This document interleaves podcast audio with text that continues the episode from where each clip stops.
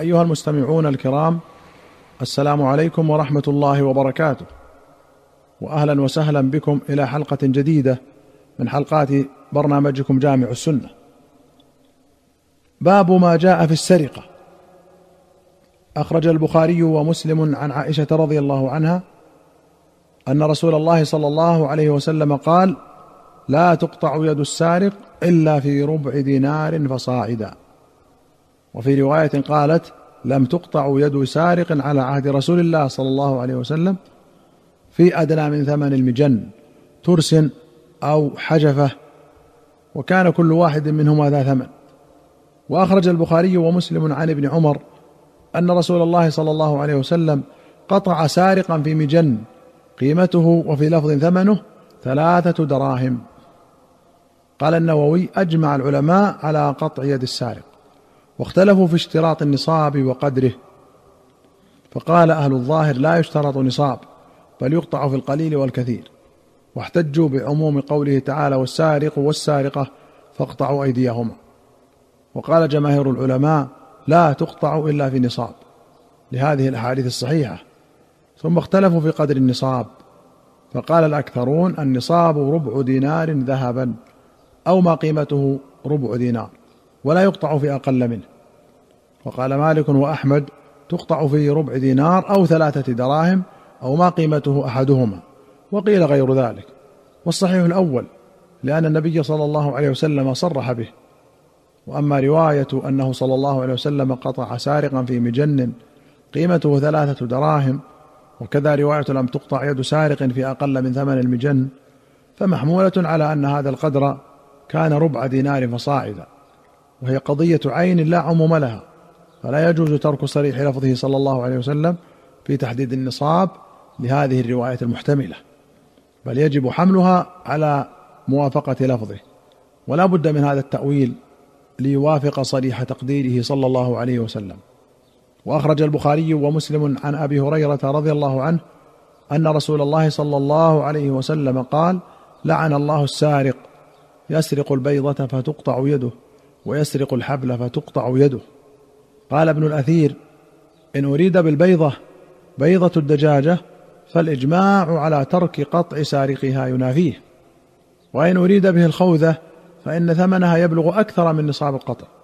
وقال ابن قتيبة الوجه أنه أراد بيضة الدجاجة.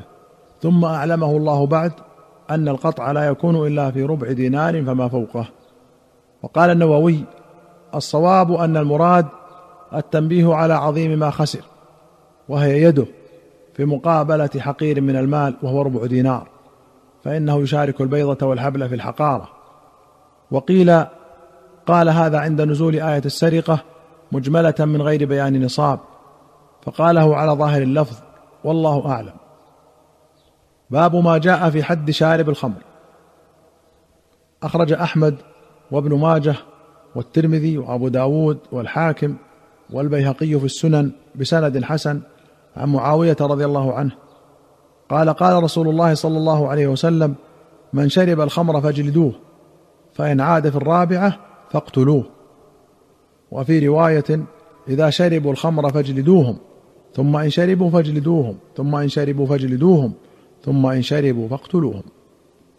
قال الترمذي هذا الحديث منسوخ عند عامة أهل العلم ومما يقوي نسخه ما روي من أوجه لا يحل دم امرئ مسلم إلا بإحدى ثلاث. وذكر حديث ابن مسعود المتقدم قريبا. وقال النووي هو كما قال فهو حديث منسوخ دل الإجماع على نسخه. وقال ابن القيم في تهذيب السنن الذي يقتضيه الدليل أن الأمر بقتله ليس حتما لكنه تعزير بحسب المصلحة فإذا أكثر الناس من الخمر ولم ينزجروا بالحد فرأى الإمام أن يقتل فيه قتل. واستوفى الشيخ أحمد شاكر رحمه الله الكلام في هذا في رسالة له بعنوان كلمة الفصل في قتل مدمن الخمر. وأخرج البخاري عن السائب بن يزيد قال كنا نؤتى بالشارب على عهد رسول الله صلى الله عليه وسلم وإمرة أبي بكر وصدرا من خلافة عمر فنقوم إليه بأيدينا ونعالنا وأرديتنا. حتى كان آخر إمرة عمر فجلد أربعين. حتى إذا عتوا وفسقوا جلد ثمانين. وأخرج البخاري عن أبي سروعة عقبة بن الحارث رضي الله عنه أن رسول الله صلى الله عليه وسلم أتي بالنعيمان أو ابن النعيمان وهو شارب. فأمر رسول الله صلى الله عليه وسلم من في البيت أن يضربوه فضربوه بالجريد والنعال وكنت في من ضربه. وأخرج البخاري ومسلم عن أنس أن النبي صلى الله عليه وسلم ضرب في الخمر بالجريد والنعال وجلد أبو بكر أربعين. وفي رواية أن النبي صلى الله عليه وسلم أتي برجل قد شرب الخمر فجلده بجريد نحو أربعين. قال وفعله أبو بكر. فلما كان عمر استشار الناس. فقال عبد الرحمن بن عوف أخف الحدود. ثمانين فأمر به عمر. الجريد جمع جريدة والجريدة للنخلة كالقضيب للشجرة. وقوله أخف الحدود بالنصب أي اجلده كأخف الحدود أو اجعله كأخف الحدود. قال النووي في شرح مسلم أجمعوا على الاكتفاء بالجريد والنعال وأطراف الثياب. والأصح جوازه بالسوط وقال ابن حجر في فتح الباري وتوسط بعض المتأخرين فعين الصوت للمتمردين وأطراف الثياب والنعال للضعفاء. وأخرج البخاري عن أبي هريرة أن رسول الله صلى الله عليه وسلم أتي برجل قد شرب فقال اضربوه.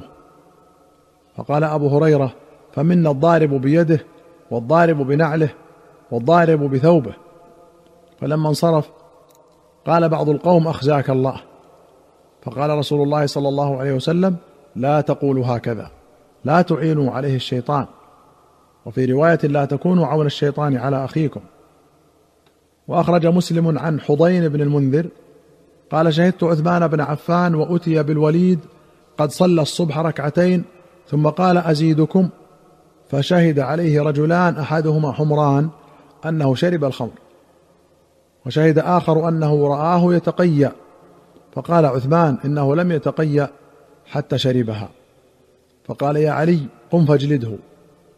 فقال علي قم يا حسن فاجلده. فقال الحسن ول حارها من تولى قارها.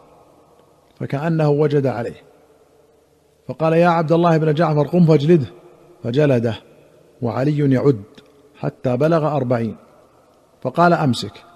ثم قال جلد النبي صلى الله عليه وسلم أربعين وأبو بكر أربعين وعمر ثمانين وكل سنة وهذا أحب إلي.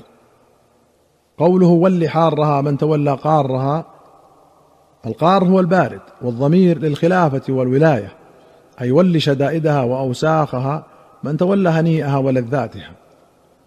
وقوله وجد عليه أي غضب عليه.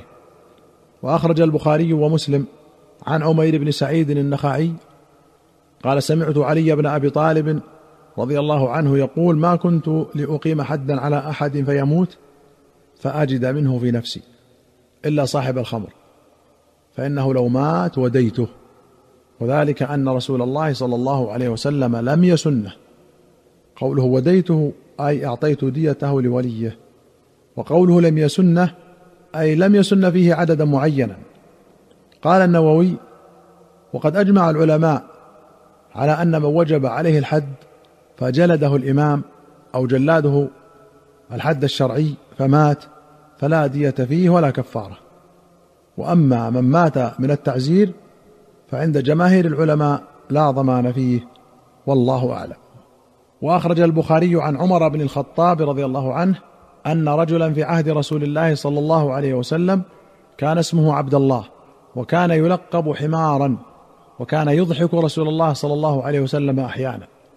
وكان نبي الله صلى الله عليه وسلم قد جلده في الشراب فأتي به يوما فأمر به فجلد فقال رجل من القوم اللهم لعنه ما أكثر ما يؤتى به فقال رسول الله صلى الله عليه وسلم لا تلعنوه فوالله ما علمت إنه يحب الله ورسوله.